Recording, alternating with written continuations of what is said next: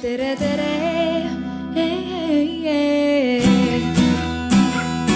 Eestimaa.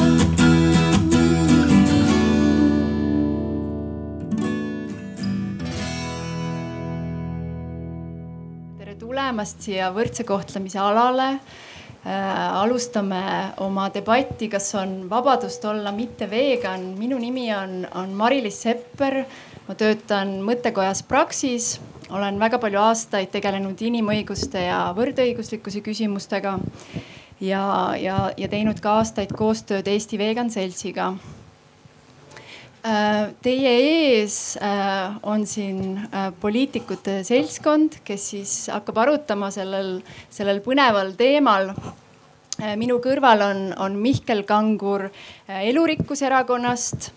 Edasi on, ähm, on Kaspar Kurve Eestimaa Rohelistest siis on Kristina Kallas Eesti kahesajast ja, ja sotse esindab täna Siim Tuisk kui nad soovivad, siis nad võivad veel ka ise natuke pikemalt ennast äh, tutvustada. Äh, täna äh, on meil see vestlus korraldatud siis selliselt, et me, me vestleme siin omavahel, tõstatame erinevaid teemasid, aga kindlasti saate teie ka võimaluse küsida küsimusi ja ka komment-, komment-, kommenteerida seda, mida te olete kuulnud ja võib-olla siis ka vaielda natukene poliitikutega. Äh, aga et kohe, kohe aega ära kasutada ja kohe sellesse teemasse sisse, sisse hüpata. Äh, alustuseks ma küsiksin teilt seda, et äh, kas see, kuidas inimene toitub ja, ja kuidas ta tarbib, kas see on üldse poliitilise debati küsimus, kas me peaksime seda Arvamusfestivalil kuidagi arutama? kes on, kes on kiirem ja, ja soovib kõigepealt seda kommenteerida? Ähm, ma arvan, ma, ma siis alustan. Äh, tere. ma arvan, et ei ole poliitikute asi öelda või arutada selle üle, mida keegi konkreetselt sööb. Äh, või, või veelgi vähem seda, et ette kirjutada, mida ta peaks sööma. küll aga on poliitikute asi ühiskonnakorralduses äh, tagada seda, et inimesel on vabadus valida oma sööki et ma arvan, et see on see koht, kus on, kus on noh, on juhtidel seda võimu, millega nad saavad seda korraldada ma natukene kohe noriks su kallal äh,. väga selgelt meil, me juba teeme seda, see ei ole nagu, et kas me peaksime seda hakkama tegema, aga mõeldes selle peale, mis on äh, riiklike delegatsioonide lauad või äh, lasteaiatoitlustus või mingid äh, keskkonna või toiduohutuse nõuded äh, või kogu muu selline toiduga, toidu ähm, poliitiline haldus, selles mõttes mitte siis nagu erakondlikus mõttes, aga, aga policy ja nii-öelda äh, poliitika kujundamise mõttes äh,. ja kõik see tegelikult niikuinii jookseb tagasi sellesama vegani, veganismi ja, ja taimetoitluse juurde, et selles mõttes äh, ei saa päris öelda, et me üldse seda ei teeks või, või et see on sihuke nagu ainult moraalsesse isiklikku sfääri kuuluv ala ma üldjuhul nõustun sellega, mis eelpool on öeldud, et äh, kuna toit on meil elu päris osa, äh, temaga kaasnevad äh, mitmesugused keerulised aspektid, mille osas tuleb meil omavahel kokku leppida. mida, kui palju, kuidas me keskkonnast võtame, seda tuleb kuidagi korraldada. vastasel juhul saavad need ressursid liiga kiiresti otsa et paratamatult me peame mingisugustes asjades kokku leppima. aga ma pole ka päris kindel, et, et see kokkulepe saab seisneda selles, et eh, meil midagi keelatakse või kästakse, vaid eh, lihtsam on asju ajada siis, kui eh, asju tehakse vabatahtlikult ja selleks tuleb luua tingimused no see selge on see, tähendab tervist äh, loomulikult uuesti. selge on see, et äh, praegusel momendil Eestis äh, niikuinii sellist pretsedenti ei saagi olla, et keegi tuleb ja ütleb eestlasele, mida ta tohib süüa, mida mitte.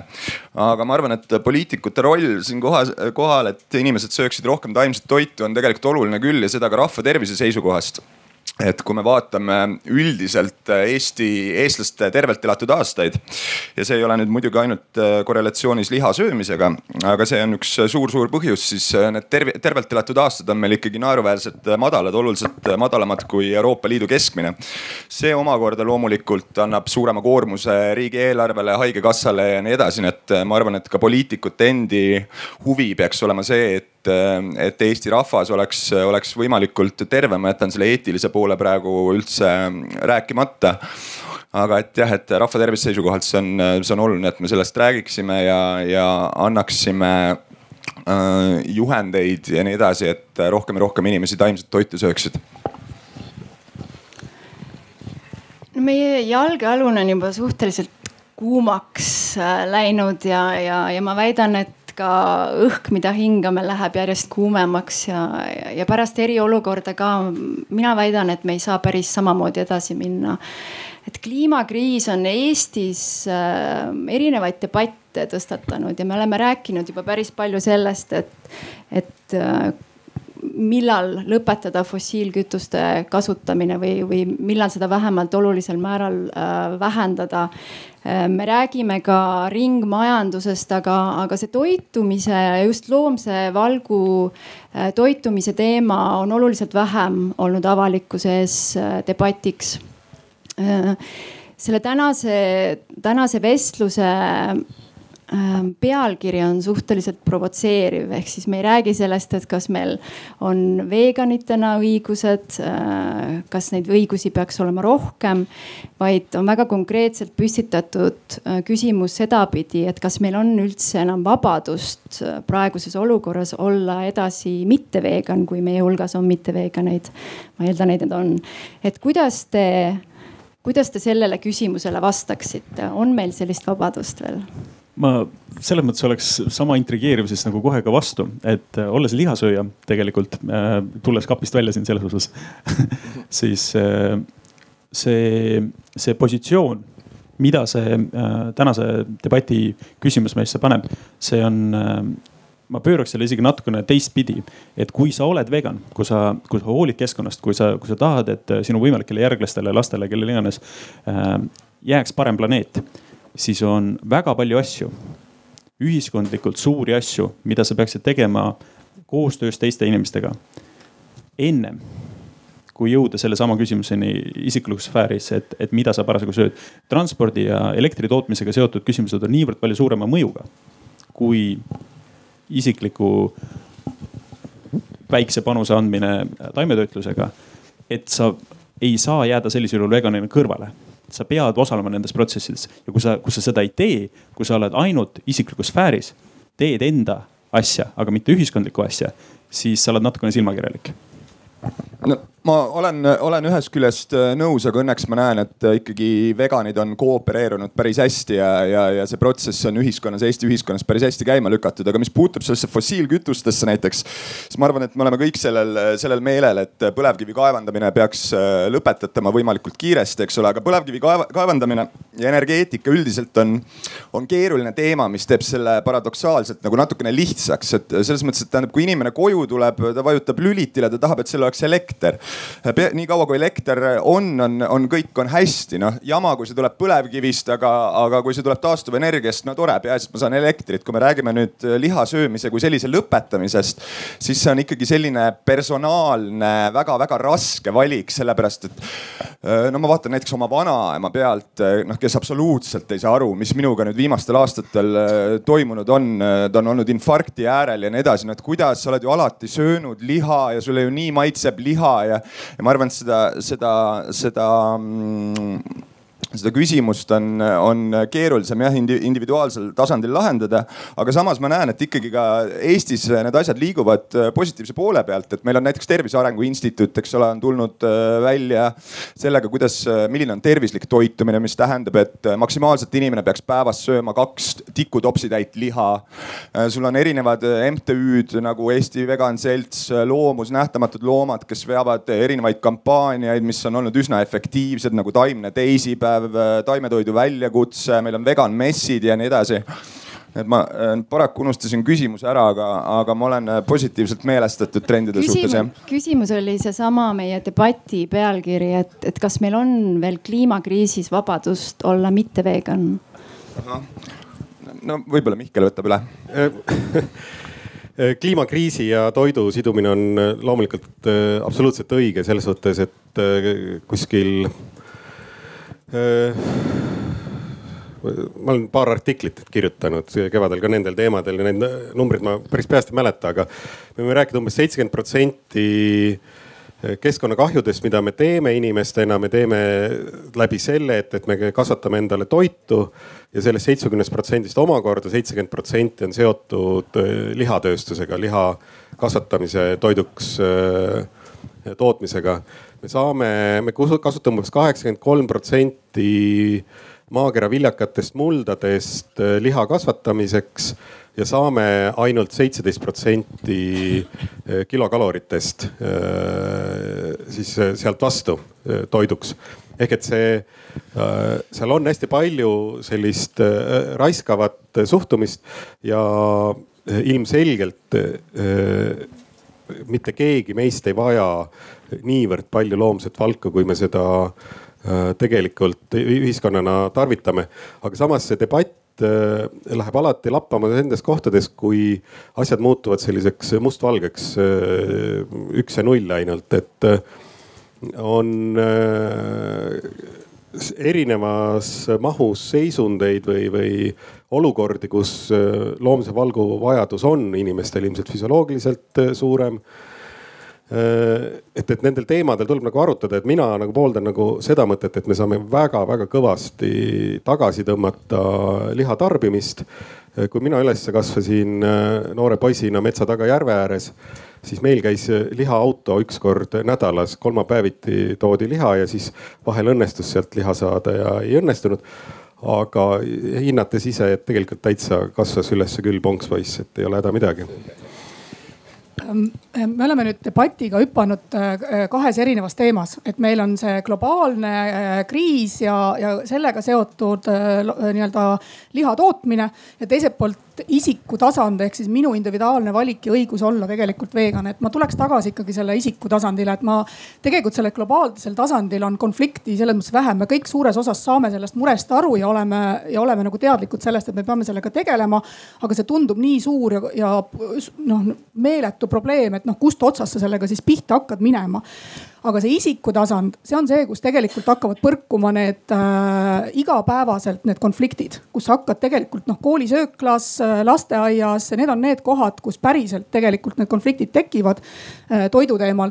ja ma olen Siimuga nõus, et me täna tegelikult reguleerime toitumist äh, riigis päris korralikult. minu argument oli see, et kas me peaksime seda tegema ja kas me peaksime seda tegema niimoodi, et keegi kuskil kirjutab ette, mida koolisööklas tohib või ei tohi nagu ja. serveerida ja ma jõuan nüüd täpselt selle punkti peale, kui sa ütled jaa, siis äh, tegelikult on ju olukord täna selline, kus äh, veganil selle jaa tõttu ei ole võimalik olla vegan seal koolisööklas.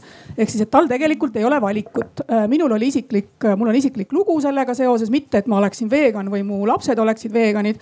aga minu lapsed käisid lasteaias, kus valdavalt serveeriti, see oli lastehoid toona, valdavalt serveeriti taimset toitu, liha ei serveeritud ja kui see lasteaed või see lastehoid registreeriti ümber lasteaiaks, siis ta läks uute määruste alla, sealhulgas selle määruse alla, et üks kord nädalas vähemalt peab serveerima liha, peab ja see on see määrus täna, eks ole. me püüdsime Tartu linnaga sel teemal tegelikult vaielda, aga seda vabadust meil selgus, et ei ole. meil ei ole vabadust mitte serveerida liha. ja, ja kui sa ütled, et jah, et riik peaks reguleerima, siis me jookseme kohe ummikusse sellega, et, et kas niipidi või naapidi. et äh, ühed nõuavad siis niipidi ja teised naapidi. et mina väidan, et see konflikt on selles mõttes lahendamatu, et äh, tegelikult peab olema vabadus mitte reguleerida seda määruses nii detailselt, mis pidi ja millist toitu peab serveerima.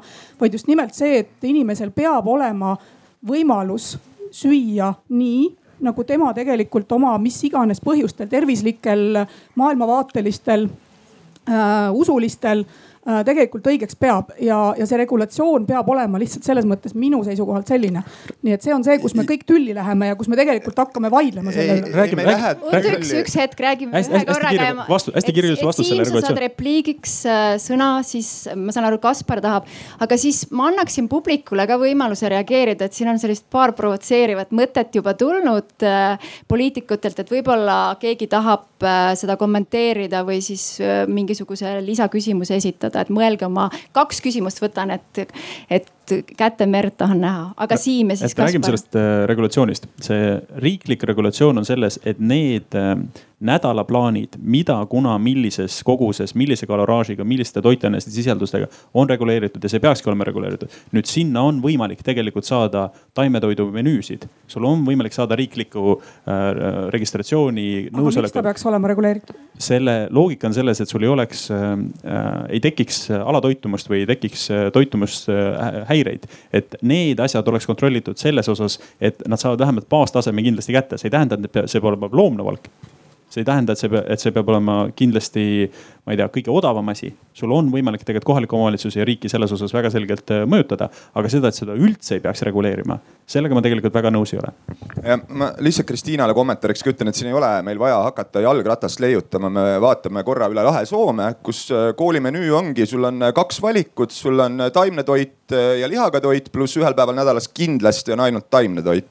nii et see ei ole kindlasti mingi ületamatu asi, mida me Eestis ei saaks lahendada, ma sellega ei ole absoluutselt nõus ma võtaks nüüd publiku hulgast ka, okei okay,, siin oli kõige kiirem oli härra esireas nii, ma ütleks kohe, et. kas, kuidas, üks moment, üks moment, me anname. isiku tasandil mina tõesti võin eriti punasest lihast täiesti loobuda, aga vaat juustust ei tahaks loobuda. ja, aga ma küsimuse esitaks siiski natuke jällegi globaalsel tasandil ehk majanduse struktuuri ja traditsioonide ja noh kultuuri kohta. võtame kolm riiki, India, Argentiina ja Eesti nüüd Indias tõepoolest on vägagi levinud taimetoitlus, aga seal on palju muid probleeme, sealhulgas ma ei tea, kas seetõttu või muudel põhjustel ka väga plahvatuslik rahvastiku juurdekasv, mis ju ka ei ole hea meie ökoloogilise tasakaalu. Argentiinas, nii palju kui mina olen reisinud, on ikkagi liha väga oluline osa menüüst ja Eestis tõepoolest toodetakse palju juustu ja piima. et äh, kas nüüd selles vaates me kuidagi peaksime ka need riike erinevalt kohtlema? võtame ühe küsimuse veel ja siis saate kõik seda kommenteerida, vastata. Teil oli vist järgmisena ja meil on tegelikult jah ma tahaks veel edasi provotseerida, Kristiina Kallas ütles, et eh, kindlasti ei tohiks üldse reguleerida seda vabadust. oi ei, see kui, oli väga nagu, valesti minust aru, ma pole öelnud, et kindlasti ei tohiks reguleerida. Kristina, kuulame selle küsimuse ära, siis saab kommenteerida. et kui inimesel on eh, niisugused eh, siis maailmavaatelised või religioossed veendumused, et ta tahaks midagi nagu süüa, et siis tal võiks olla see vabadus seda süüa, onju. aga kui mina tahaks inimesi süüa, et kas siis see peaks ka olema mulle, see vabadus peaks ka mulle olema tagatud? Äh, ei no ei tasu minna selles mõttes äärmustesse, ilmselgelt mitte ja on, on teatud äh, toiduained, milles me oleme juba ammu kokku leppinud, et me seda ei tee. selles mõttes ma arvan, et seda debatti me täna siin ei pea. me peame seda debatti, et kas inimesel on mingi vabadus nendes ühiskondlikes äh, institutsioonides nagu kool, lasteaed, noh reeglina need on need kohad, kus need konfliktid tekivad kas temal on seal äh, vabadus. minu argument ei ole mitte see, et me ei peaks üldse mitte midagi reguleerima. minu argument on olnud see, et me peame reguleerima seda niimoodi, et sinna sisse jääb see vabadus, et me ei reguleeri neid asju üle et me, me ei lähe liiga detailidesse, sellepärast et see tekitab alati konflikte ja siis me jääme lõputult neid konflikte lahendama ühiskonnas kogu aeg. sest me, meil on, meil on, kui me täna reguleerime, täna, tänast regulatsiooni muutes reguleerime teistpidi, aga reguleerime sama karmilt, aga lihtsalt teise vaatega, siis me tekitame uue konflikti. et äh, see oli kogu minu argument ma tuleks selle. üks härra... moment, Siim, äh, Mihkel, Mihkel oli juba käsi. kommenteerin kahte asja. esiteks, et kui sulle meeldivad äh, piim ja juust, siis sa pead sööma ka burgereid, sellepärast et äh, nendest lehmadest, keda kurnatakse ära piimatoodete tootmiseks, tehakse lõpuks hakkliha, sest et nende liha muul moel söögiks ei kõlba. keegi neid üleval ei pea nii kaua, kuni nad loomulikku surma surevad. ehk et piim ja piimatooted, juust eriti, on ilmselt suurima keskkonnajalajäljega loomatooteid. samas inimese söömise puhul me oleme nagu aktsepteerinud väga hästi seda ja see on loomulik, looduslik osa, et rinnapiimaga inimesi ju toidetakse, aga selle eest, et, et me inimesi sööma ei hakkaks, on hoolitsenud ökoloogia, et me saame väga vastikud äh, haigused ja, ja väga rõvedad haigused sellest, kui me peaksime väga pikalt äh, oma liigikaaslaseid sööma, et, et see on ökoloogiliselt ära reguleeritud teema. ka juriidikaga isegi. No see on hiljem tulnud. tulles tagasi selle esimese küsimuse juurde, see, et kas me peaksime neid erinevaid riike erineval viisil kohtlema. mulle tundub, et üks viis, kuidas seda teha ja, ja ma arvan, et küsimus, vastus sellele küsimusele on jah, on äh, läbi põhimõtteliselt süsinikumaksude. kui me suudaksime tarneahelatesse sisse äh, programmeerida selle, et äh, teatud sertifikaatide või, või mingite muude nii-öelda riiklike rahvusvaheliste kokkulepetega on võimalik äh, eri tootmisprotsessidel käigus tekkinud süsinik siduda selle hinnaga, selle toote hinnaga ja, ja kui näiteks Euroopast, Euroopast väljaspool, ütleme sealtsamast Argentiinast või Indiast tuleb, siis äh, vastavalt sellele, kas see veis on seal jooksnud rohumaa peal ringi ja söönud mingeid loomulikke asju või ta on tulnud, ma ei tea, USA äh, mingite nende feedlot'ide peal, kus nad söövad äh, maisi ja, ja, ja eritavad palju rohkem keskkonna, et, et sellest tulenevalt selle liha hind oleks märgatavalt erinev. ja, ja niipidi saab selle teatud ähm, granulaarsuse saab neid erinevaid asju kohelda erineval viisil ja me ei pea ütlema, et äh, liha on halb või seda, sellest piirkonnast või sellest asjast ma üldse midagi sisse ei too. aga, aga meil on tegelikult sarnased kogemused ISO äh, sertifikaatide või mingite muudega, kus sedasorti protsesse on väga põhjalikult auditeeritud, kontrollitud ja need on püsivad ja teinud, et see on, nüüd on küsimus selles, et kas meil rahvusvaheliste kaubanduskokkulepetega on võimalik tegelikult see peale suruda ka ülejäänud maailmale. ja kas me saame mingid teatud tüüpi üldised standardid, et äh, ma ei tea, Ameerika ja Euroopa siin ei lähe omavahel võitlema mingite asjade pärast, vaid teevad nagu koostööd äh, üldise süsiniku jalajälje vähendamiseks. ebaselge. Äh, süsiniku arvutuste peale minek on üks hea võimalus, kuna arvatakse, et seda on lihtne mõõta ja teha. samas ühe kilogrammi veiseliha tootmise käigus tekib umbes kuuskümmend kaheksa kilogrammi süsinikku, aga see ei võta arvesse seda, et, et sellesama ühe kilogrammi veiseliha tootmiseks kulub viisteist tuhat liitrit vett eh, ja teadmata hulk metsamaad võetakse maha ehk et toimub ka elurikkuse kadu ehk et kui me keskendume ainult ühele aspektile eh, selle liha tootmise juures see süsiniku peale, siis see võib viia sellistele väärnähtustele, et, et eh, selle, seda süsinikku hakatakse asendama mingisuguste biokütustega kusagil ja, ja tege, tegelema asjadega, mida me näeme ühesõnaga ta viib selle fookuse eh, asja point'ist tegelikult eh, totaalselt kaugele.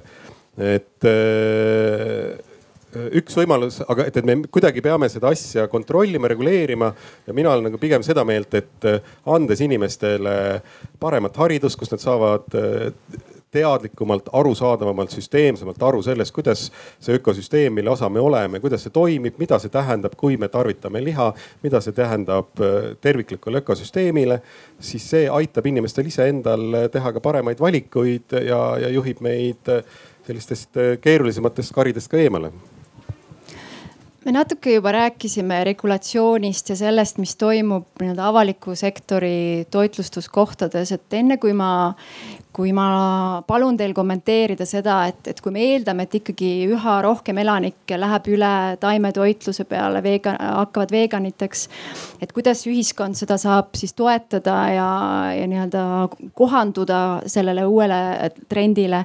et ma, ma nii-öelda provotseeriks teid kõiki ja, ja annaks infot natuke selle kohta, mis toimub Portugalis, et kuulaksime ühte audiotervitust kus siis äh, vegan aktivistid räägivad sellest, kuidas Portugal sellesse teemasse on ähm, suhtunud ja, ja mida teinud. Hi everyone, this is Nuno. Uh, I'm speaking from Portugal and I'm the spokesperson of the Portuguese Vegetarian Society. Uh, so I was asked to talk a little bit about the legal situation in Portugal regarding vegan catering in the public sector. And Portugal uh, is already known on the worldwide level for its progressive stance on human rights. Uh, take, for example, the drug policy. And nowadays, it's also known for having approved one of the very first laws that make plant based options mandatory in all public institutions. We can trace this back to an official petition that we started, the Portuguese Vegetarian Society, in February 2015 And back then, we asked for plant based meals in all public facilities. And we gained a lot of public support and amassed over 15,000 signatures in just a few months. Besides the petition, we also did a lot of social media outreach. We published some statements that were backed up by, by our team's dietitian, and we sent letters to members of parliament as to inform them of the arguments that support the petition, uh, among other things. Uh, there are some key aspects of our campaign which I believe that determined our success, and I can tell you these are. Uh, we target a large network of possible supporters, not just vegans or vegetarians, but a lot of flexitarians, as they call them. Uh, basically, we welcomed everyone aboard and we made sure the petition used inclusive language. Uh, second, uh, we focused on civil rights and freedoms, emphasizing the right not to be discriminated in public spaces rather than personal motivations to adopt a vegetarian diet. Of course, everyone has them. And this made a lot of difference because, uh, in the end of the day, uh, none of the political parties voted against this law, not even the most conservative ones. And third, we also refer to public health authorities, that is, the experts, to legitimate the vegetarian diet. So we had a bit of luck on our side, uh, considering that some parties openly endorse plant-based meals, and our petitioning system in Portugal only requires a minimum of 4,000 signatures to merit a discussion in Parliament. Uh, eventually, after an hearing with the Portuguese members of Parliament and some lobbying work, our effort contributed to the approval of this law and the law applies to all facilities, public facilities, uh, including schools, universities, uh, healthcare units such as hospitals, uh, nursing homes, and even prison facilities. Uh, also, importantly, the law states that uh, vegetarian meals should not contain any animal products. So, uh, in effect, it means that the meal should be strictly vegetarian or vegan. aitäh äh, see oli siis, ma paari lausega ütleks eesti keeles ka, äh, võib-olla siin on ka inimesi, kes äh, inglise keelt ei valda. Äh, see oli siis näide Portugalist, kus ähm, viieteistkümne tuhande toetusallkirjaga ähm, saadi selline nii-öelda aktivistide võit, et, et kõigis Portugali avalike, avalik-õiguslikes asutustes nagu haiglad, hooldekodud, ülikoolid ja koolid peab siis olema vähemalt üks äh, üks toit vegan, seal ei tohi olla loomset valku. Äh, äh, see on siis seadusesse kirjutatud ja, ja, ja sellega on tagatud see, et, et veganitel on võimalik, eriti siis nendel elujuhtudel, kus, kus sul ei ole põhimõtteliselt võimalik valida, et kas ma lähen sinna restorani või teise restorani. Äh, vaid et ma olen näiteks haiglas ja, ja ma pean seal kolm korda päevas sööma. ehk siis ka veganina on võimalik oma maailmavaatele kohast toitu saada. et võib-olla tahad tahate kommenteerida, et kas näiteks ka Eestis oleks võimalik mingi selline seadus vastu võtta või kas, kas see oleks mõeldav? ma arvan, et ma, ma ei ole kindel, kas seda peab jälle seadusega reguleerima, aga ma võin tuua näite Tallinna Ülikoolist, kus me me, me ei pidanud nagu väga kõvasti veenma kedagi või et, aga et, et ühel hetkel muutus see täiesti normaalseks ja loomulikult, et loomulikult kohvikus või, või söögikohtades on taimsed toidud. ja et ennekõike, kui me korraldame mingisuguseid konverentse, mingisuguseid üritusi, et, et ennekõike, kui noh, et see esimene, esimene valik oleks ikkagi äh, taimne toit äh, seal catering'iga ka tellida. aga samas ta on jäänud ikkagi vabatahtlikuks, aga ma näen nagu hea meelega, et, et järjest rohkem, rohkem inimesi selle peale ka lähevad, et, et see võimalus on loodud ja, ja inimesed tarvitavad eh, seda taimset toitu, sest et üldjuhul on seal üllatusi palju rohkem, meeldivaid üllatusi sealjuures eh, ülekaalus. et see toit on maitsvam, huvitavam, sest et lihatoidud, seal on maitse suhteliselt ühetaoline kogu aeg. aga mille vastu ma olen või, või mis on nagu probleem meil on selle toidu enda puhul, et, et kui ma nägin enda lapse toidumenüüs lasteaias, et, et selle kaloraaži kokkusaamiseks antakse neile päevas mingisuguseid küpsiseid ja, ja, ja valget saia, sellepärast et see aitab kõige odavamal viisil selle kaloraaži kokku saada, siis see on minu arvates veel suurem perverssus, et, et, et me peaksime sööma ikkagi toitu mitte väga palju ja, ja peamiselt taimset on ju, aga et, et kui see toit asendatakse siis mingisuguse sünteesitud asjaga, siis see on, ma arvan, et, sama ohtlik ja, ja halb kui see liha siis seal et su viimase punktiga saab vaid ainult nõus olla, aga selle üldise äh, osas, et kas meil peaks olema seadused ja kas me peaks midagi tegema. mulle tundub, et see, see, mida, mida näiteks Kristina on minu arust ka siin äh, öelnud, et, äh, et see valik jääks isiklikule tasemele, ei ole olnud piisavalt efektiivne see ei ole olnud piisavalt efektiivne, see, see progress, mida me oleme teinud äh, nii-öelda maailma päästmise nimel äh,, see on olnud jube aeglane ja, ja pigem vahepeal isegi nagu tagasi, tagasi libisev kui, kui progress.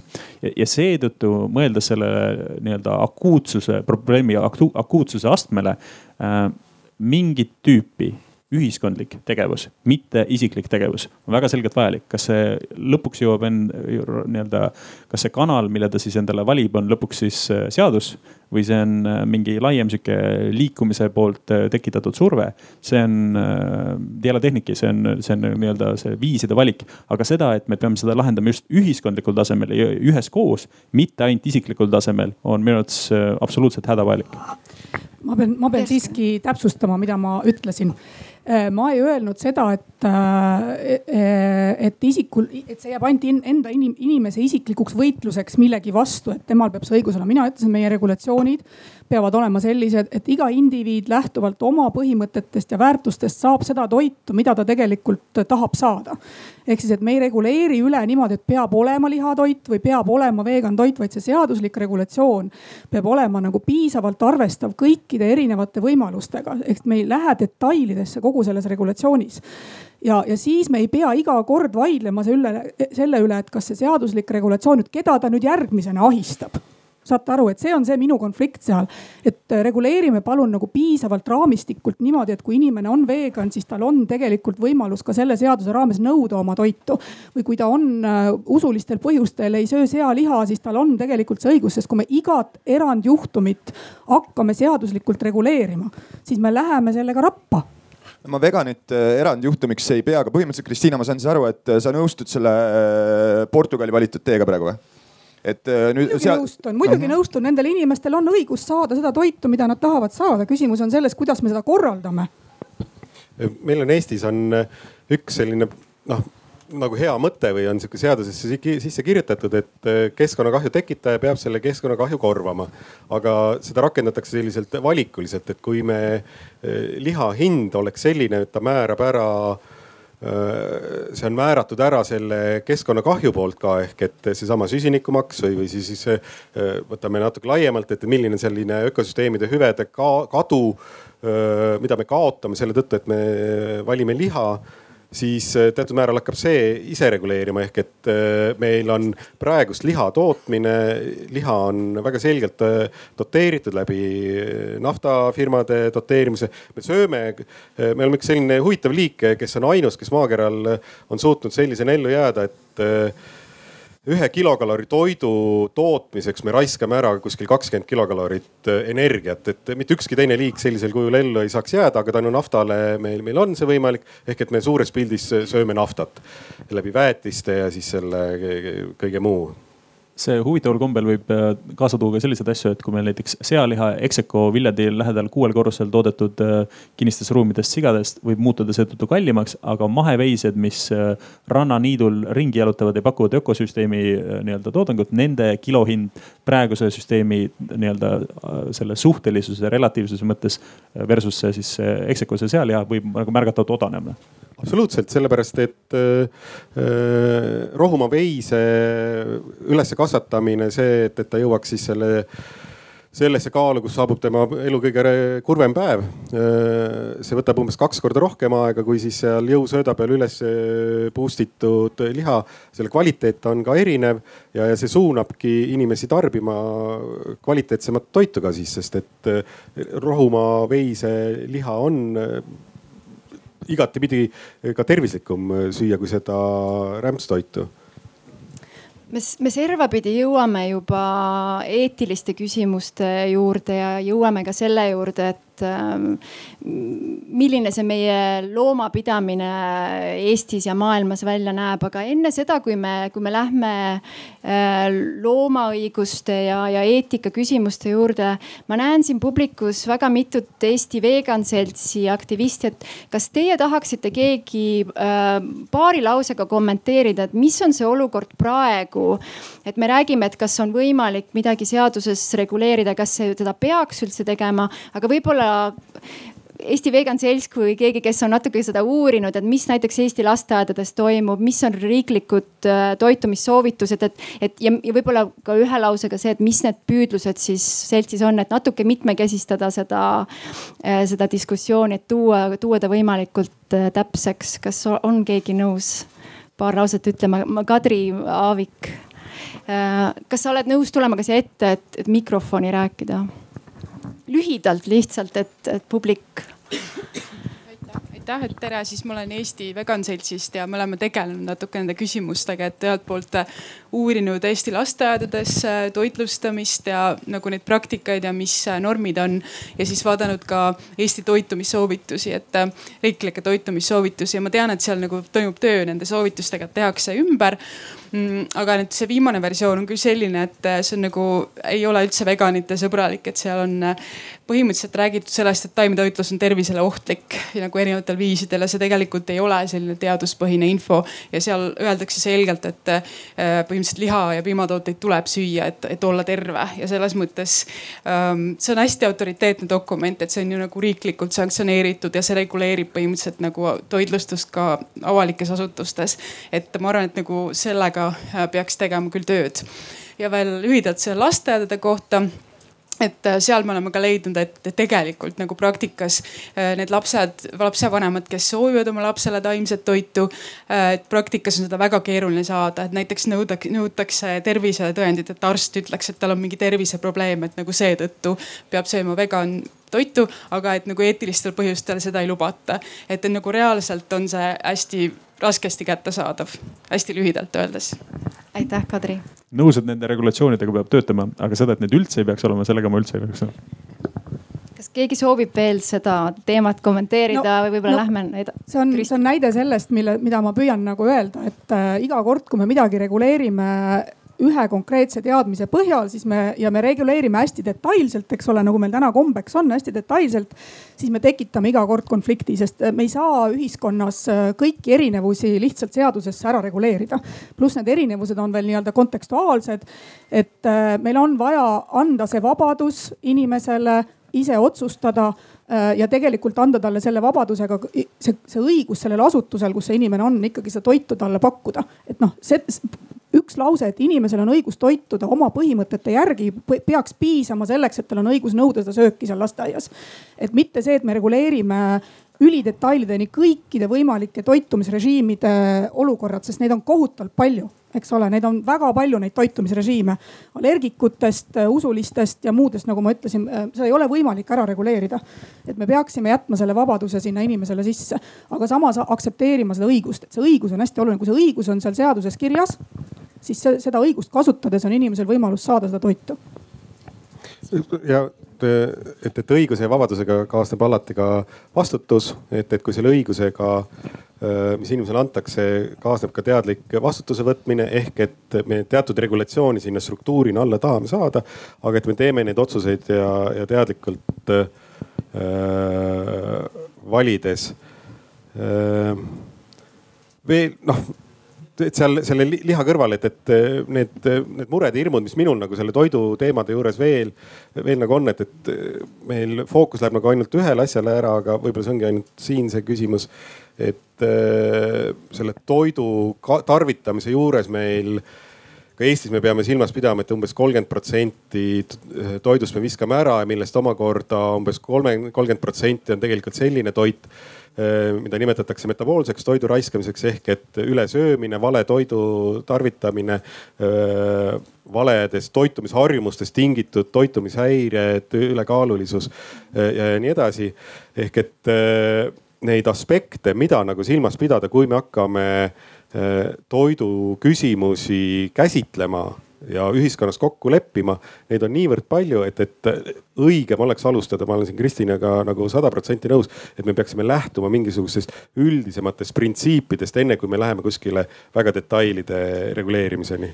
ma olen, äh, ma olen ka Mihkliga selles mõttes nõus, et toidutööstuse ja, ja kogu selle tootmise reguleerimine on see koht, kus riik tegelikult peaks olema oluliselt äh, või poliitikud peaksid olema äh, nii-öelda seal on see maailmavaade ja suhtumine nagu teadmistesse palju olulisem, mitte indiviidi tasandilt hakka, hakkama reguleerima, et indiviid tohib või ei tohi süüa ühte või teist asja, vaid seda, et mida me toodame. ja riik tegelikult maksustab meil täna toitu, eks ole, meil on käibemaks, millega, millega me täna toitu maksustame üsna üheülbaliselt äh, kõike nagu ühe maksuga, kusjuures väga korralikult ja väga kallilt, ehk siis Eesti inimese jaoks võrreldes väga paljude teiste sarnaste riikidega on toit kallis Äh, arvestades eestlaste sissetulekut. Ja seesama kallis toit ei ole kvaliteetne ja ta ei ole tegelikult keskkonnale kasulik, et seal, seal on meil, meil see probleem, eks ole, et me, me, me oma maksusüsteemiga ei reguleeri just nimelt seda vastutust, millest Mihkel tahtis rääkida, et kas me vastutame selle eest, et me riigina tegelikult soosime odava, mittekvaliteetse, tervisele kahjuliku ja keskkonnale kahjuliku toidu tarbimist inimeste poolt, sest see on neile ainukesena nii-öelda kättesaadav, on ju ja, ja sealt me peaksime, vot see on see debatt, kus me peaksime poliitikute vastutusena võtma, et, et kuidas me reguleerime maksudega äh, seda, mida inimene saab endale poes lubada või mitte spontaanne aplaus. ja äh, ma lisaks siia veel lihtsalt ühe näite, et, et minule väga meeldiks, kui toiduainete peale oleks äh, märgitud ära, milliseid mürke selle toidu tootmise juures on kasutatud. et teadliku tarbijana ma oskaksin siis valida, et, et võib-olla mul mõnid maitse-eelistused. kui väidetakse, et, et kõik need mürgid on inimesele ja keskkonnale tohutult ohutud, siis ei tohiks olla keelatud selle pakendile märkimine, et me märgime ära erimärgistusega mahetooted aga mitte mürkidega toodetud tooted ja see on jälle taas üks äärmiselt suur aspekt, millega me tekitame kolossaalset kahju keskkonnale praegusel ajal. tuleks hästi kiirelt tagasi ikkagi sellesama teemapüstituse juurde, et, et kas on vabadust olla nagu mitte vegan on ju, et kui me räägime siin selle, nendest riiklikest regulatsioonidest ja esimest korda mul õnnestus tänase äh, debati jooksul olla ka Kristinaga samal seisukohal. Äh, kus ta siis nagu toetas riiklikku regulatsiooni. et siis, äh, siis see vegani positsioon ühiskonnas ja seda, mida, mida ma näen, mis, mis oleks nagu selles mõttes moraalne imperatiiv, et, et, et kui sa oled juba vegan ikkagi siis, siis sa peaksid olema ka nendes teistes, nendes samades riiklike regulatsioonide küsimustes, nendes samades transpordi või elektri tootmise küsimustes palju rohkem ühiskondlikult aktiivne ja sa ei peaks seda tegema mitte üksi, vaid sa peaks tegema seda läbi erinevate ühenduste, et sinu ja teiste jõud oleks ühendatud ja teil oleks tegelikult see nagu võimenduspunkt. et see on see, mida ma tegelikult näen parasjagu puuduolevana. et ma näen mingi hulka inimesi üksikuid äh, võitlusi pidamas natukene vahetevahel koostööd tehes, aga sellist äh, tõelist ühiskonda muutvat mõju parasjagu tegelikult veel ei ole. ja, ja seda tegelikult ei saa ühiskondlik, seda, seda ei saa nagu isiklikult tasandilt, et sa, et sa pead seda koostööd tegema ja, ja kui sa mõtled, kui sa lähed ühe mõttega siit tänaselt debatilt ära, siis ma tahaks tegelikult, et see oleks see, et, et ei piisa ainult nagu nendest isikliku vastutuse, isiklike valikute, valikutest, vaid, vaid on ka vaja ühiskondlikke valikuid väga olulisel määral mõjutada ma olen nõus, et ühiskondlikke äh, valikuid on väga olulisel äh, määral vaja mõjutada, aga minu meelest see meie debatt on siin taandunud äh, puhtalt sellele, et kas tegu on keskkonnale potentsiaalselt ohtliku või mitteohtliku teemaga, aga inimesed, kes lähevad veganiteks, nende peamine argument ei pea sugugi olema keskkond. muidugi keskkond peaks olema meie kõikide argument meie käitumises, aga no see võiks nii olla, paraku ei ole. aga siin kaks teist suurt argumenti, millest me ei olegi rääkinud. esimene on, on tervis, seda me põgusalt puudutasime, et eestlane niikuinii niikuinii sööb äh, liiga palju liha, me oleme ülekaalulised ja nii edasi, nii edasi ja teine on asjade eetiline pool. Äh, elu on püha, eks ole, kas meil on õigust inimestena võtta, siin härrasmees ütleb, et mulle väga maitseb juust. tähendab, mulle maitses, maitseb ka väga juust ja mulle maitseb ka väga liha, aga siin on küsimus selles, et äh, see, et mulle maitseb, kas on piisav põhjendus, et seda liha ja juustu tarbida. minu enda jaoks see ei ole piisav põhjendus, ma saan väga hästi ja edukalt hakkama ka ilma lihata, aga seda kõike ainult, ainult keskkonnale praegu taandada, ma arvan, et ei ole ka õige ja inimesed inimesed, kes hakkavad veganiteks siis näiteks tervislikel põhjustel või siis just nimelt loomade heaolu äh, pärast muretsedes. noh, ma ei leia, et neil peaks olema nüüd kohustus ka ilmtingimata hullult ühiskondlikult kaasa rääkida energeetika ja transpordi küsimustes ja kui me räägime üldse transpordi küsimustest, siis kogu loomakasvatus maailmas tekitab rohkem CO2 kui kogu transpordisektor kokku, nii et noh need asjad eh, on üsna, üsna balansist väljas niikuinii. aitäh, Kaspar. Äh, me liikusimegi järgmise nii-öelda küsimuse või teema juurde, mis ka mul oli plaanis tõstatada selleks, et, et inimliik saaks igapäevaselt loomset valku tarbida, peab massiliselt äh, tapma loomindiviide, et äh, ma küsiksin, et kas, kas teie parteil või teie erakonnal on mingisugune positsioon selles küsimuses, et kas see selline eetiline kaalutlus, et ühe liigi eelistamine äh, teistele, et kas, kas see peaks olema midagi, mida, mille suhtes ka erakonnad võtavad mingi positsiooni? Siim on kohe valmis, ma näen erakonnal ei ole antud küsimuses seisukohta, isiklikus äh, plaanis äh, mulle tundub, et siin on neid vastuse valikuid on, või variante on tegelikult mitmeid. et äh, nii-öelda kapitalistlik süsteem pakub meile Beyond Meat'i ja teiste võimalike alternatiivide näol seda nii-öelda moraaliga kokku sobivamat võimalust võib-olla, oleneb sellest tööstus, tootmisprotsessist.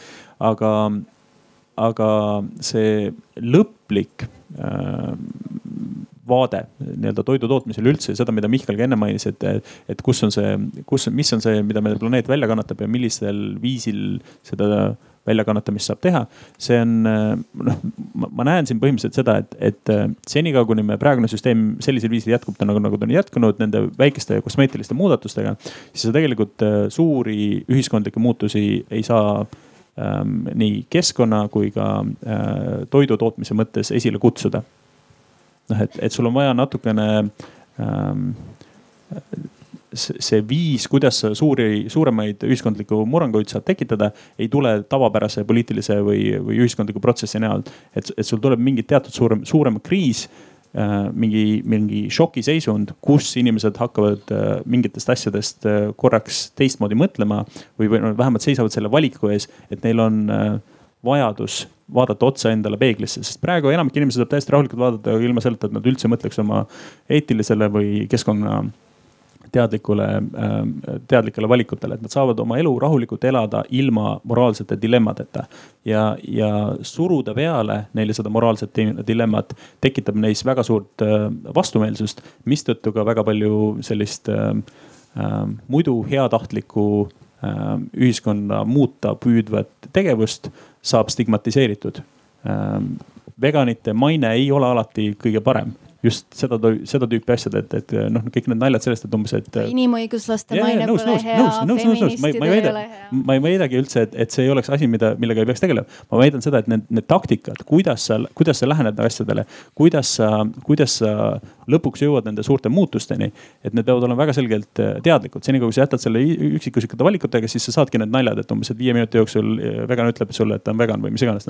et, et sul on vaja tegelikult sellele küsimusele laheneda sellisel viisil, et sa sa ei triggerda põhimõtteliselt neid lihasööjaid niimoodi, et nad äh, automaatselt sulle ukse kinni sinu nina ees löövad. et see on asja nagu mõte, et, et see peab, see, kuidas minna ja ühiskonda muuta, peab olema väga selgelt läbimõeldud ja üheskoos tehtud. ja absoluutselt, ma olen, ma olen, ma olen sada protsenti nõus sellega ja, ja minu meelest ei ole ka kõige efektiivsem viis inimesi veganiteks pöörata nüüd see, et äh, sa, sa lendadki kurjalt peale umbes, et mida sa teed, mida sa keskkonnale teed, mida sa loomadega teed ja mida sa oma tervisele teed.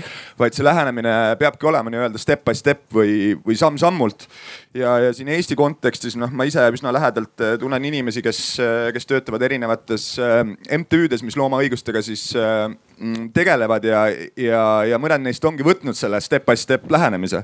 et äh, keegi ei eeldagi, et äh, tähendab homme või, või juba kümne aasta pärast on kõik inimesed veganid, loomulikult, aga, aga just sellised, äh, sellised väiksed kampaaniad nagu lihavaba laupäev või taimne teisipäev, eks ole, et inimene nagu Mihkelgi ütles, et ülikoolis inimesed tulevad, lihatoidud pahatihti maitsevad ühtemoodi. meil on mingi stigma sees, meil on liha vaja, proovime taimset toitu, ahaa, näed, saame aru, et see võib ka olla maitsev, et, et niimoodi on võimalik ka süüa ja see, see muutus tulebki järk-järgult. et ma, ma olen, ma olen seda meelt, et kui sa nüüd lihtsalt ütled jah, et muutu, muutu veganiks, sest see on kohutavalt ebaeetiline, milline sa praegu oled ja nii edasi, siis see, see ei töötagi aga mis puutub sellesse partei programmi, siis Rohelistes, kui ma ei eksi, on, on meil üldprogrammis kirjas midagi taolist, et me oleme vastu äh, suurfarmidele, kus loomi koheldakse ebaeetiliselt või midagi taolist no elurikkuses on äh, ka kokku leppimata see, et, et äh, kas tapmine söögi eesmärgil on siis nii või naapidi, aga see, millisel viisil äh, loomi on koheldud, millisel viisil on nad, nad üles kasvatatud. siin ma arvan, et, et äh, on see koht, kus me rohelistest selgelt ei, ei eristu, et, et, et need et, et see, et meil kasvatatakse loomi, on praegust siiski paratamatus, aga nad peavad kasvama siis sellistes tingimustes, et nad ei kannataks, nende õigused peavad olema kaitstud. ja, ja mitte ainult koduloomadel, vaid ka metsloomadel, kuigi neid väga palju meil järele jäänud ei ole. aga, aga ma ei, ma ei taha nagu nõustuda selliste väidetega, et, et äh, see veganluse mõtteviis ei ole äh, ühiskonnas piisavalt hästi levinud, sellepärast et äh, mingid organisatsioonid ei ole teinud piisavalt äh, hästi tööd, et, selline äh, ohvristamine või mis see victimizing, mis see, mis see nagu tähendab, et, et sa oled ise süüdi, et, et ei ole teinud piisavalt tööd selle asja propageerimiseks, et, et, et alati saab, alati saab seda väita, onju, et, et sa ei ole veenev ma ei, ma ei taha sind, ma ei taha sind ära kuulata, sa ei ole veenev sellepärast, et äh, minu maailmavaatega see kokku ei lähe ja minu sissetulekud sõltuvad sellest, et ma ei nõustuks sinuga. ja siis see debatt sinnapoole peale jääbki, et püüdke rohkem ei, mu, mu point oli hoopis muus, mu point oli selles, et noh, sarnaselt ütleme näiteks USA Civil Rights äh, Movement'il on ju.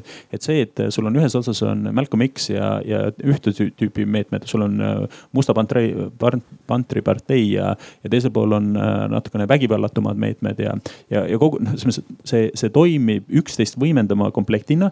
ja kui nad on üksteisest teadlikud ja sellest, kuidas nad liigutavad neid ühiskondlikult võimalikuks peetavaid asju see, see kõik toimub koos, selles mõttes, et sa ei saa nagu ainult äh, ühe meetodi või ühe viisi või ühe, ühe asjaga.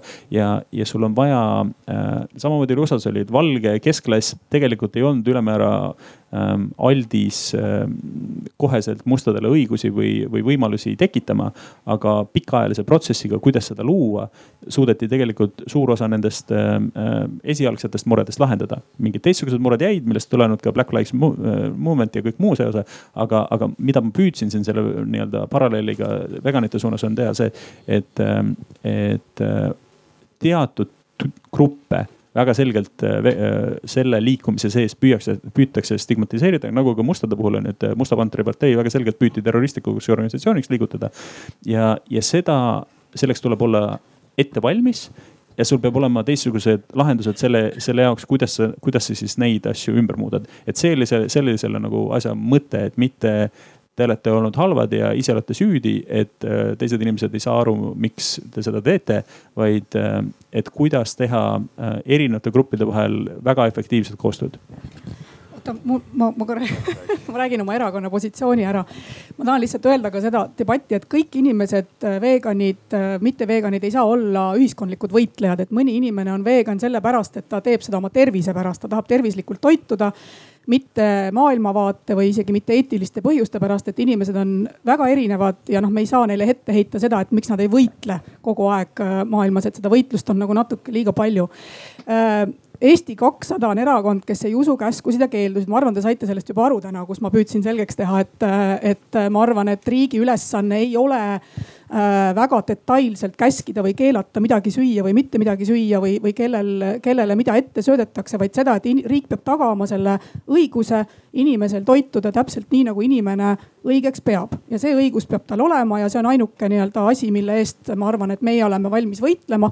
sest niipea, kui me läheme jälle võitlusesse sinna, et mida tohib reguleerida, millist liha tohib müüa, millist liha ei tohi müüa, niipea me tegelikult äh, jookseme väga tugevasti ummikusse. teine positsioon, mis me oleme tegelikult erakonnaga mitu korda ka välja öelnud ja mida ma, mida ma täna ka siin mitu korda öelnud olen, on see, et maksupoliitika on riigis see, millega riik saab reguleerida äh, seda äh,, millise hinnaga on inimesele milline toit kättesaadav ja me võime ju moraliseerida ja kõiki kiruda selle eest, et nad söövad halvasti ja söövad, eestlased söövad liiga palju liha ja kõik on õudselt halvasti.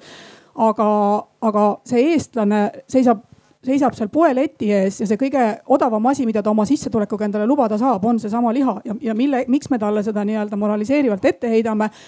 Eh, ma arvan, et ei ole õige, õige on tegelikult ikkagi riigina eh, ühelt poolt tegeleda harimisega ja teiselt poolt läbi maksusüsteemi anda inimesele võimalus tervislikult toituda ja osta eestimaist ja nii-öelda keskkonnale kasulikumat ja keskkonnale vähem koormavat toitu.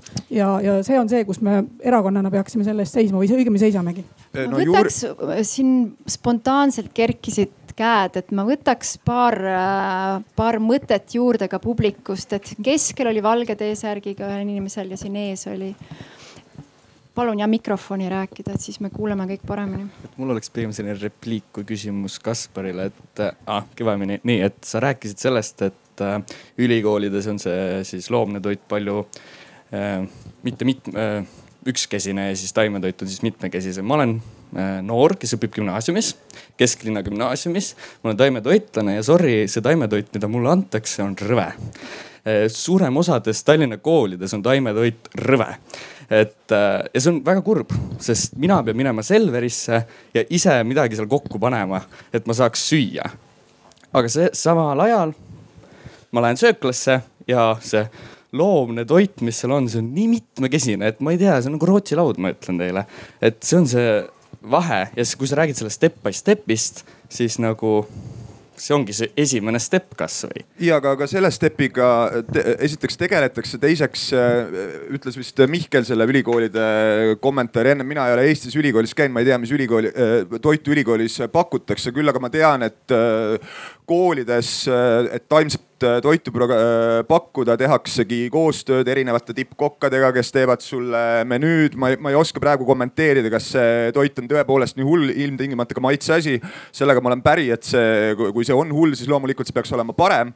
aga, aga samas just nimelt see step by step käibki praegu, tähendab, sul on ikkagi oma ala absoluutsed eksperdid, kes koostavad sulle menüüsid, mis ei ole mitte ainult tervislikud, vaid peaksid olema maitsvad ja ma, ma väga tahaks siis loota, et ma ei tea, mitmendas klassis sa oled, aga, aga kui sa veel paar aastat koolis käid, siis paari aasta pärast on ehk taimne toit ka maitsvam ja sa ei pea Selverisse minema. saad paari aasta pärast süüa. Ma, ma, ma, kas ma võin seda kommenteerida, ma arvan, et see on see üks see on see probleem, kus äh, tervislik taimne toit on liiga kallis ja me ei ole riigina nõus seda kinni maksma ka koolidele ja siis me saame sealt äh, seda, mida me saame, aga loomne toit on odav. Ja noh, see, see on see, kus riik saab tegelikult sekkuda. Nojah, seda ma mõtlesin ka, kui ma ütlesin, et eh, taimetoit pakub üldjuhul rohkem üllatusi. Eh, sageli need ei ole meeldivad üllatused küll, et eh, aga, aga, aga see on nagu see koht, kus tegelikult saab väga positiivselt teha koostööd te, siin on nagu fantastiliselt ägedaid programme, võimalusi.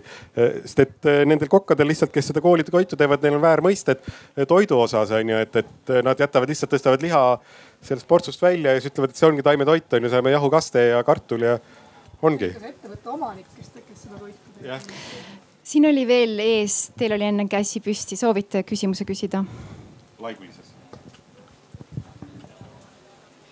Ja ühe küsimuse võtaks veel, et kui mõelge, mis, mida tahate küsida või kommenteerida. mina olen Paul Koppel ja olen nüüd selle teise poole nagu esindaja, et äh, söön enamasti just lihatoitu ja noh, kuna ma pean seda samamoodi äärmuseks nagu näiteks veganlust, siis äh, ma ei saa aru sellest väitest, kui öeldakse, et äh, see vegan toit on tervislik. mismoodi? palun no liigne liha söömine selles mõttes, et see on fakt, et äh, väga paljud südame-veresoonkonnaga tingitud haigused, seotud haigused, äh, diabeet, mingid kindlat tüüpi äh, vähid on korrelatsioonis liha söömisega ja, ja nii edasi. siin, siin ei ole jällegi, siin on teadus on selle taga, mitte, mitte see, kas ma tahan midagi uskuda või, või mitte uskuda, eriti liigliha söömine siis. kas te oleksite nõus tulema siia ette mikrofoni rääkima?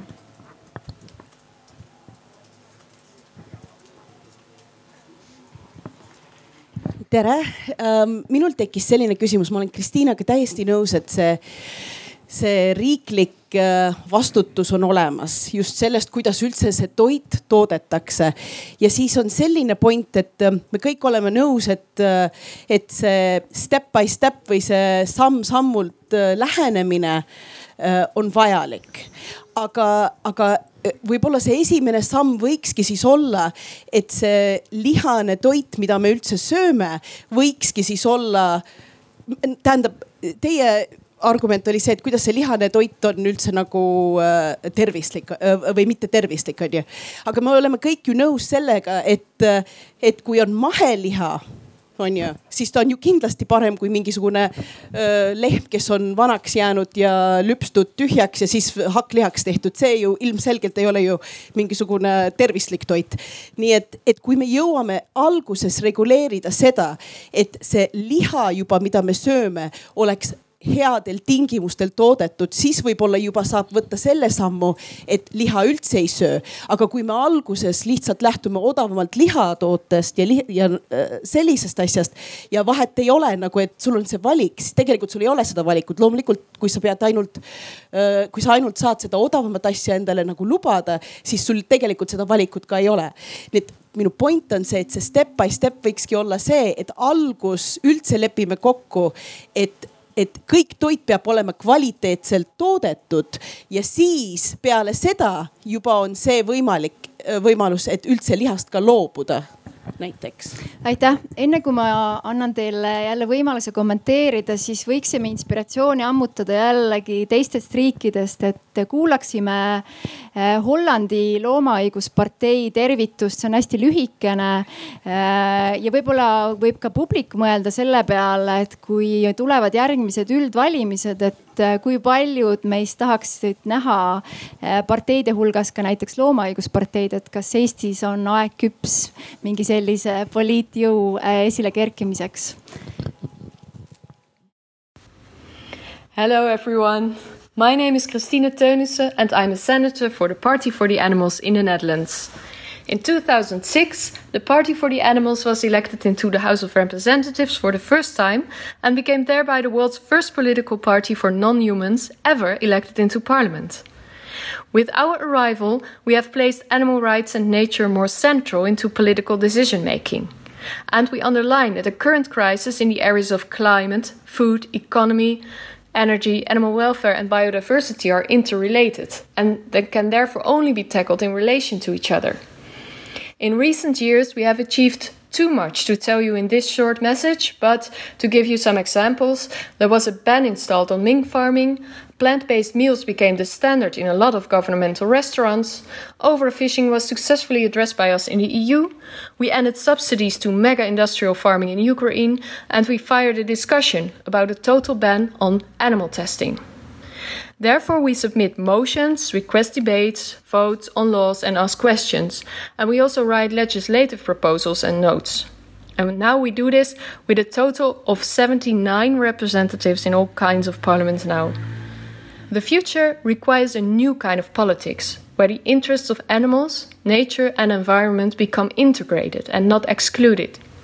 We need you in the growth of this new kind of thinking. So, join us and become part of our worldwide growing movement. If somebody ever say to you, who cares? Tell that you care. Take care. kas see provotseeris mõtteid? võib-olla kõigepealt poliitikud, siin oli ka see varasem teema, et võite vabalt kommenteerida, mida soovite loomaõiguslus väga selgelt selles vormis, nagu ta parasjagu oma sõnumis kirjutanud, on hädavajalik. ma ei näe siin nagu mõnda teist omadussõna. Äh, see, see küsimus, see, kuidas äh, planeedi ja inimkonna parema äh, koostoimimise huvides oleks kaitstud erinevate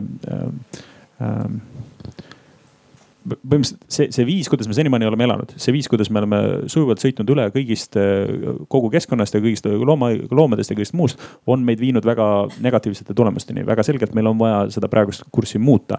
nüüd, kas see eeldab eraldi parteid? Äh, Hollandi valimissüsteem on mõnevõrra teistsugune, mis lubab neil ka ühe, kahe, kolme protsendi äh, toetusega erakondadel parlamenti jõuda. meie oma nõnda leebe või andestav ei ole ja seetõttu tundub siin olevat rohkem vajalik teatud tüüpi koostöö, kus sa kus see ähm, algatus või selline äh, koostööd omavahel tegev grupp inimesi oleks äh, mingi teise partei sees või mingi, mingi koalitsiooni äh,, mingi koalitsioon, mis kuulaks neid. et, et selles mõttes nagu eraldi parteid, mulle tundub, ei ole vaja. küll aga on väga selge. sotsidel oleks näiteks, sa näeksid varianti, et teil oleks selline loomaõiguste grupp äh, ja. partei sees? jah. ja öö, olles nagu faasis, kus öö, ühe parteiga hakkab nagu või kahest parteist hakkab üks saama, siis ma annaks ka soovituse, et, et ärge nüüd parteid küll tegema hakake et, et pigem äh, ma usun, et äh, poliitmaastikul on piisavalt neid äh, erakondi, kellega, kus teil ei teki mõtteviisis vastuolusid ja seda fookust saab, saab kindlasti seada. samas ökoloogina ma ei, mul on keeruline mõista, miks te, miks tõsta välja ökosüsteemist üks aspekt, ainult loomad kui see ei muuda tegelikult seda olukorda paremaks, et, et, et terviklik on, on ikkagi kogu see ökosüsteemi hoidmise, kaitsmise, kaitsmise vajadus ja noh, siis seal all erinevad aspektid loomulikult, aga et, et see võib noh, et, et kui, kui isegi rohelised on väga nišš meil juba on ju, et siis loomad sealt alt on veel niši nišš, et, et, et see läheb natukene liiga keeruliseks, et, et, et pigem pigem leida siin koostööd. ja ma, ma selles suhtes olen nõus, et Eesti, Eestis ilmselt selline asi ka ei töötaks ja Eestis tähendab, ma läheks veel nii kaugele, ma muidugi ei esinda siin äh, rohelisi kui parteid, vaid pigem praegu Kaspar Kurvet ennast, aga Eesti puhul ei, ei ole mõtet ka ühe teema erakonnal äh, nagu näiteks ainult keskkonnateemadele keskenduval erakonnal, see, see on selge, tähendab, kui me tahame saada, meie eesmärk on saada Facebookis sada laiki, siis loomulikult me võime teha kakskümmend sellist parteid ja me need saame, võime üksteisele õlale patsutada ja öelda, et näed, vahva, me tegime midagi õigesti.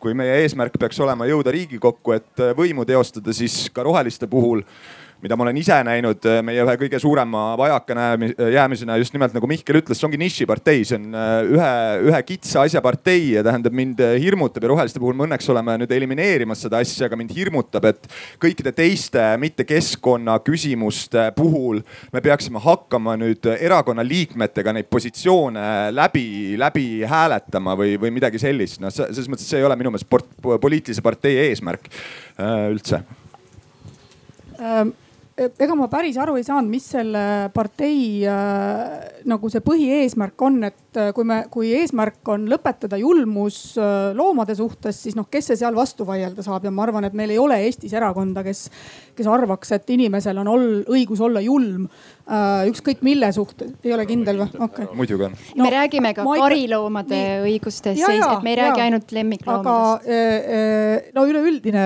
julmus loomade või teiste teiste elusolendite või, või ka, või ka looduse suhtes üldiselt äh, kui aga seostada seda loomaparteid sellega, mis on, et see on nagu toidulaud ja, ja sa tegeled selle toidulaua reguleerimisega, siis ma arvan, et see on tõesti nagu väga-väga niši teema.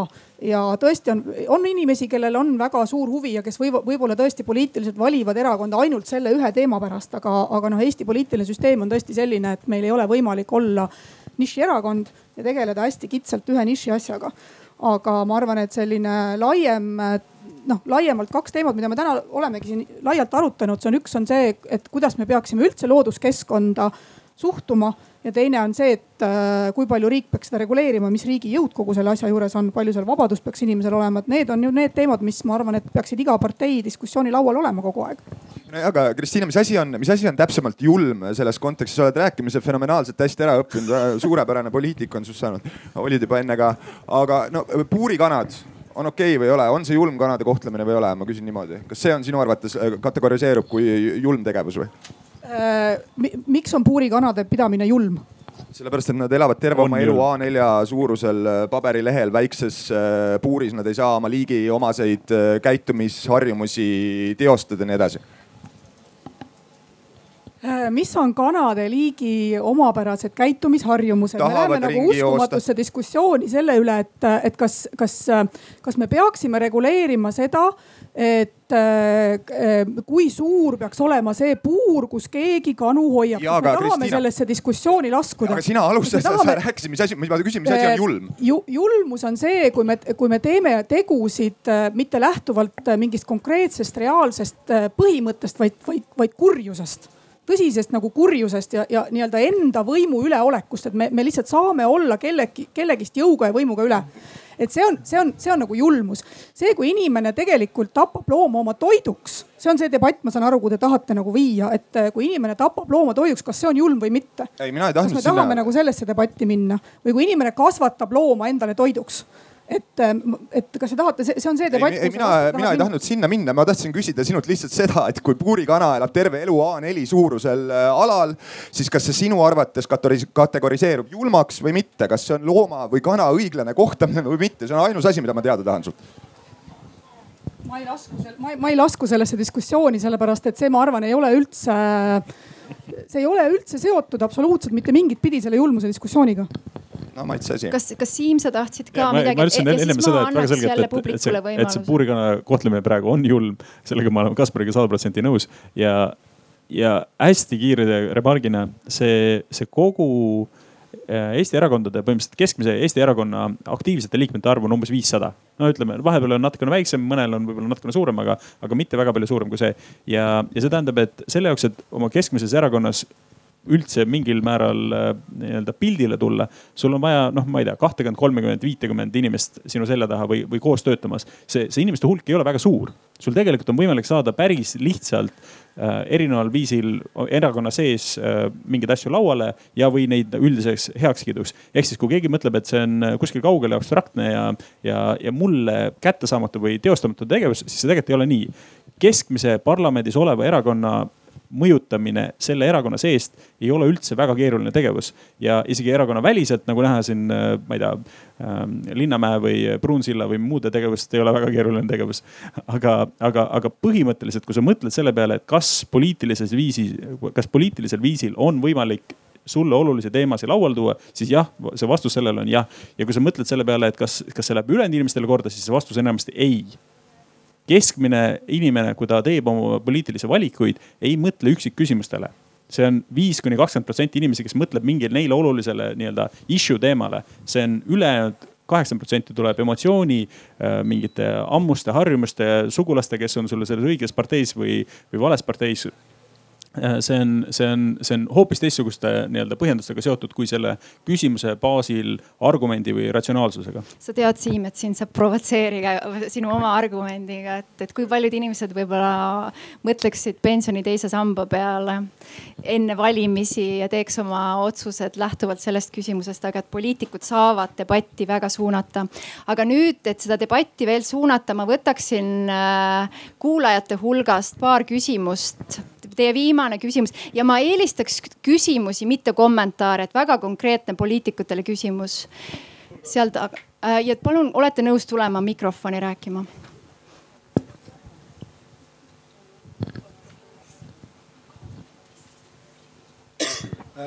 olles laia sfääri kapitalist tekib küsimus, et miks te ei jäta seda probleemi vabaturule ehk lasta inimestel otsustada omaenda rahakotiga, mida nad teevad, mida nad ostavad ja võib-olla mängida läbi selle inimeste emotsioonide, mitte läbi poliitika mängida inimeste emotsioonidega ja mina olen sada protsenti nõus, et see tuleb inimestel lasta vabalt endal otsustada. aga et nad saaksid siis ka õiglast hinda selle eest maksta, ehk et kui lihasööja, liha söömisega kaasneb selle liha tootmisega kaasnevate kõigi keskkonnakulude katmine. kui see vaba turg sellisena toimiks, siis ma oleks sada protsenti sellega nõus. kuna meil vaba turgu ei toimi, meil on riiklikult reguleeritud kütuse tootmine, kütuste doteerimine fossiilsete kütuste saamiseks, põllumajandustootmiste doteerimine, siis paraku meil vaba turgu ei ole, nii et sorry kas publikul on veel üks küsimus? siin on kohe. mul on üks konkreetne küsimus, et siin me räägime sellest vegani teemast, et, et see nagu praegult hirmuga teema, et kui palju meil siis aega on veel jäänud. et see teema on nii, nii oluline praegult, et, et nagu inimkonnana me ei suuda enam jätkuda. kaks laulupidu. selge, et nagu siis me peaks ju nagu praegult kohe midagi tegema, katastrofaal, noh täiesti teistsuguse ise hakkame iga päev teistmoodi käituma ja mitte niimoodi, et me, mina üksi siin mõtlen, et hakkan, aga, aga nagu kõik nagu peaks nagu aduma, et nagu ma ise ega mu lapsed ega lapselapsed, nendel ei ole enam tulevikku siis. kui me praegult kohe ei tee midagi teistmoodi.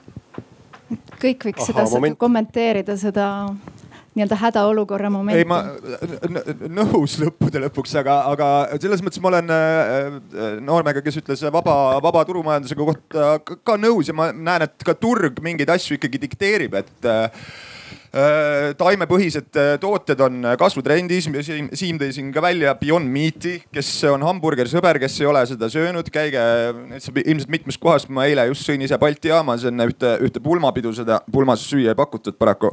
et ma sõin ühe Beyond Meat'i burgeri väga, väga-väga äh, maitsev burger ja absoluutselt hea alternatiiv. Ja neid, neid tooteid, mis on maitsvad, mis on keskkonnasõbralikud, mis on eetilised just nimelt, sest mulle tundub, et me ikkagi kogu see diskussioon läheb ainult sinna sinna, et me teeme keskkonnale kahju. Äh, minu, minu puhul, nagu ma seda mainisin ka loomade söömise puhul on väga-väga oluline aspekt, see eetiline aspekt, kuidas me kelleltki elu võtame kas põhjus, et mulle maitseb liha, on piisav argument, et seda teha, eks ole. Äh, ma arvan, et me kõik nõustume siin, et me peame väga midagi tegema, et meil ei ole ilmselt siin selle laua taga vähemalt küll neid, kes eitavad seda, et meil, meil on kiire küll aga, milles me võib-olla ei väga sajaprotsendiliselt kokku ei lepi, et mis me siis tegema peame või kuidas me seda tegema peame ja ma olen selle noormehega täiesti nõus, et lõppkokkuvõttes inimene, inimene käitub oma rahakoti võimekuse alusel ja see on see, kus vähemalt poliitikud saavad sõna sekka öelda ja see, kus poliitikud saavad reguleerida. vaba turumajandus selles mõttes tõesti ei ole, et riik ikkagi äh, reguleerib reguleerib poliitikate, maksude, tollidega ja kõikide muude asjadega seda, mis meie toidulauale jõuab lõpuks. Ja mida me saame endale rahaliselt lubada või mitte. Ja see on see koht, kus, äh, kus me peaksime sekkuma ja väga kiiresti ja väga otsustavalt. mitte selles, mida ta tohib, see inimene süüa, mida ta ei tohi süüa, mitte selles kaks väga olulist tähelepanekut minu arvates on selles, et äh, see nii-öelda müstifitseeritud vaba turumajandus äh, nendes riikides, kus sul on regulatsiooni vähem, ei tähenda seda, et sa toituksid paremini, see tähendab sul äh, hormoonidega väga halbades tingimustes üles toodetud väga kiirelt liha. see tähendab sul halvemaid toidulaudu, sest sul, ma ei tea, sul on maisisiirup on äh, subsideeritud ja, ja värsked äh, juurviljad on äh, vastupidi väga kallid, näiteks nagu Ameerikas. või, või kõik mingeid muid selliseid asju, kus vabadusest selle vaba turumajanduse juures on väga vähe alles. nüüd teise küsimuse pealt, see vabadus ka selles praeguses meie süsteemis on väga sageli näiline see, kui sa lähed supermarketisse, siis väga paljud inimesed on väga palju tööd selle nimel teinud, et sina läheksid teatud riiulite juurde ja valiksid sealt teatud tooteid see algab reklaamidest, see algab tootepaigutustest, nende kujundusest, kõigest muust. sinu eelnev konditsioneerimine on väga pikaajaline. see ei ole vabadus, seal on väga palju tööd selle nimel, et sa liiguksid, kallutaksid ennast teatud viisil. ja, ja kui sa ei ole sellest teadlik, sellest tööst või sa ei astu samme selle ähm,, selle vastu, siis äh, see vaba turumajandus ei täida neid rolle mida see vabadus siis peaks sulle nagu andma? viimane repliik, kas sa Mihkel tahad midagi ütelda? ei, ma, ma arvan, et kommenteerisin ära, mul läks mõtted uitama siin. vaatasin vahepeal Facebooki, et, et üldiselt peaks olema, lihasööjad loomad peaksid olema nagu nutikamad, nad peavad palju rohkem vaeva nägema, et enda toit kätte saada, aga Facebookis juba seda siin, mis toimub, juba kommenteeritakse, mis näitab, et et ega see nutikus individuaalsel tasandil lihasööjate seas ka nüüd ei realiseeru sellisena, et, et ökoloogia on ikka imeline aga nüüd ma kutsun äh, meie ette väitluseks äh, Saskia Bergmani ja Triinu Jõgi, kes kümne minuti jooksul esitavad argumente poolt ja vastu sellisel teemal nagu kas veganid peaksid taunima mugavustaimetoitlasi, et ärge minge kuhugi, palun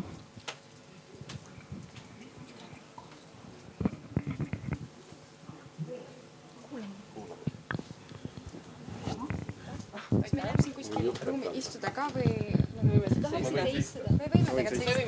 Istumine, istumine tapab. mul on natuke halb tunne, kui sa jätad, lähme sinnapoole siis veidike. ja see on ka, sa võtad selle näiteks. no, mine veits veel sinna. Äh, me oleme siis äh, Eesti Väitlusseltsist oh..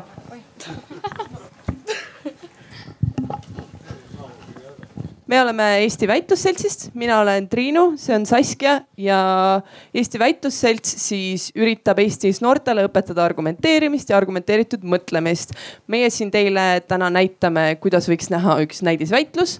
me teeme seda oluliselt lühemalt, kui see tavaliselt võistluslikus kontekstis välja näeb.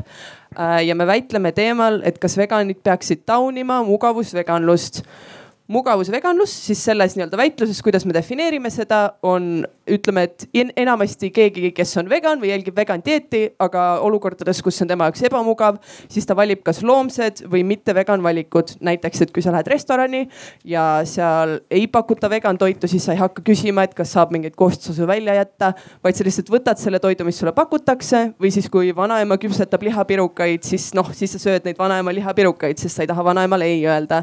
sest et, aga muidu sa järgid nii-öelda seda vegan dieeti. Mina siis presenteerin teile argumente, miks äh, see vegan dieet või miks mugavusveganlust peaks taunima ja Saskia räägib, miks ei peaks. me mõlemad teeme siis kaks kõnet.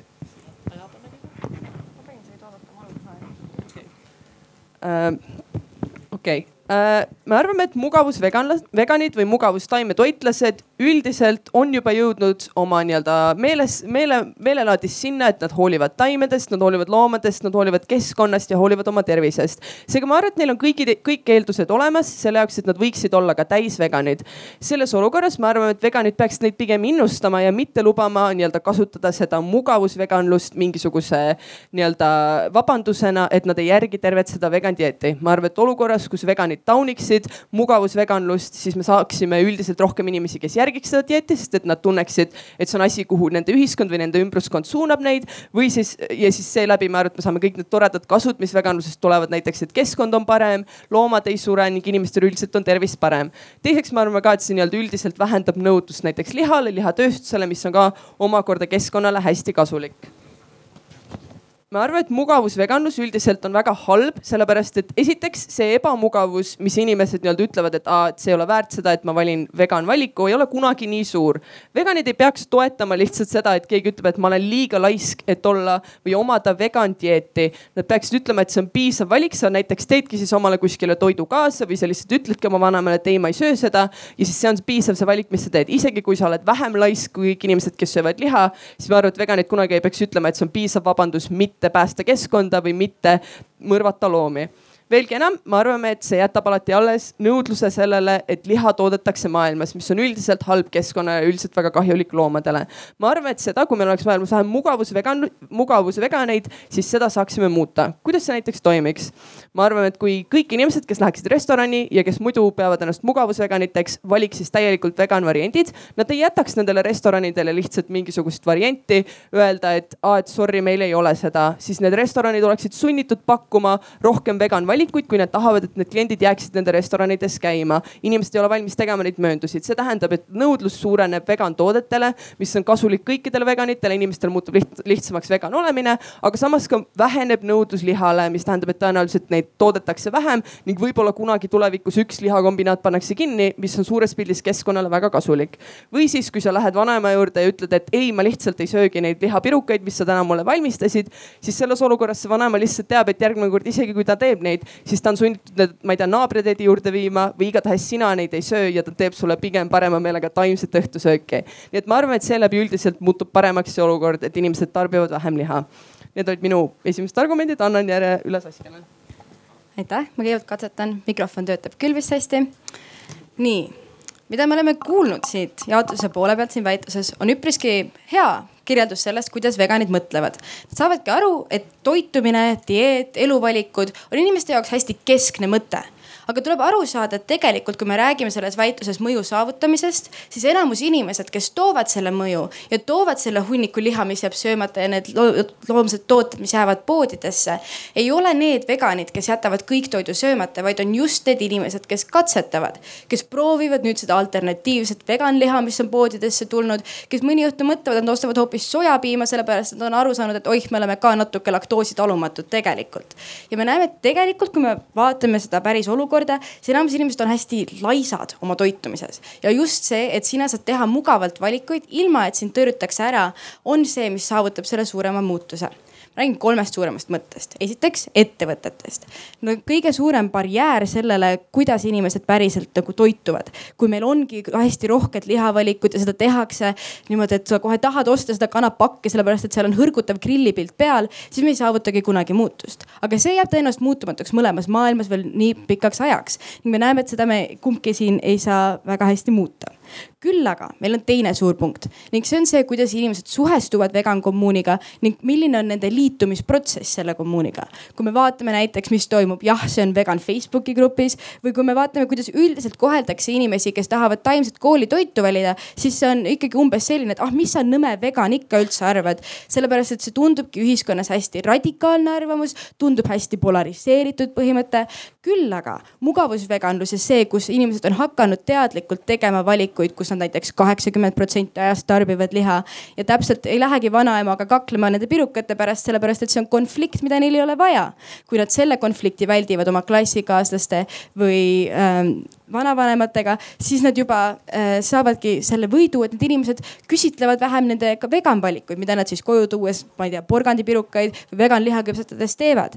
me näeme, et kui nendel ähm,, nendel mugavusveganitel on olemas see suurem grupitoetus ja see ühiskonna toetus, siis tegelikult need inimesed, kellest vegan kommuun võidab ja milline liha jääb söömata, on palju suurem kui jaotuse poole peal. Need on need vegan, need, need on need mugavusveganid, kes ei liituks ümber täielikule veganlusele, sellepärast et see tundub nende jaoks saavutamatu. ning need on need inimesed, kes hetkel üldse ei mõtlegi selle peale, sellepärast et täpselt veganlus on tohutult nõme käigu pealt tuleb, tuleb nüüd niimoodi teha, et te teete vasturepliigid mõlemad ühe minuti jooksul. meil saab aeg otsa ma siis äh, alustan kiirelt vastu repliik, repliikidega. ma arvan, et nagu on aru saada, siis me mõlemad nõustume, et see vegan tulevik võiks olla asi, kuhu me jõuame, ehk siis see, millest me räägime, on kuidas me jõuame sinna kõige kiiremini. me arvame, et maailmas, kus me suuname inimesi võtma üle täielikult seda vegan dieeti, siis nendeks, neid inimesi hakkab rohkem olema veganid. me arvame, et isegi kui on mõni inimene, kes nüüd jätab vegan, veganiks olemata, sest nad tunnevad, et nad ei saa sellega hakkama või see on kuidagi nende jaoks kättesaamatu, siis rohkem on neid inimesi, kes liigub oma mugavustsoonist edasi ja teeb selle valiku. me arvame ka, et kui sa ei konformeeru oma klassikaaslastega ja näitadki neile, et see on okei okay teha see ebamugav valik või panna nemad sinna ega, ebamugavasse positsiooni, siis see tuletab ka nendele meelde, et võib-olla see on ebaeetiline süüa loomi või võib-olla see on lihtsalt keskkonnale nii kahjulik, et me keegi ei peaks seda tegema. ma arvan, et selles olukorras on palju tõenäolisem, et rohkem inimesi üldse pöördub veganluse poole, sest see põhjus, miks nad sinna lähevad, on näiteks, ma ei tea, soov maailma muuta või soov äh, ennast, enda tervist parandada. nii et me arvame, et üldiselt me saame rohkem veganeid kiirelt ütleks siia lõppu, et kui me vaatame, kuidas praeguses ühiskonnas on muutunud mainstream'iks see, et sa tarbid vegetoitu ja sa käid vegan restorani vees õhtustamast lihtsalt sellepärast, et see on lahe, siis see on saavutanud palju suurema muutuse kui need üksikud indiviidid, kes on full veganid. ning sellepärast on esimene eesmärk võimalikult palju inimesi kaasata sellesse vestlusesse, kus nad tunnevad ennast mugavalt, et nad teevad vegan valikuid. mida rohkem vegan valikuid selle suurema grupi pealt, seda suurem on mõju. Need inimesed, kes juba hetkel on vegani poole pöördumas, muutuvad mingi hetk tõenäoliselt niikuinii veganiks, et see on see õige valik, mida teha. küll aga me ei tohi tõrjuda neid, kes soovivad alustada. aitäh. aitäh.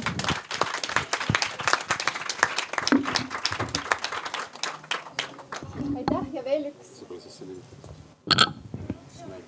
aitäh ja veel üks aplaus meie, meie vestlejatele, poliitikutele ja ärge siis unustage järgmistel valimistel poliitikutel uuesti äh, nööbist kinni võtta ja, ja neid, neid küsimusi meelde tuletama. aitäh teile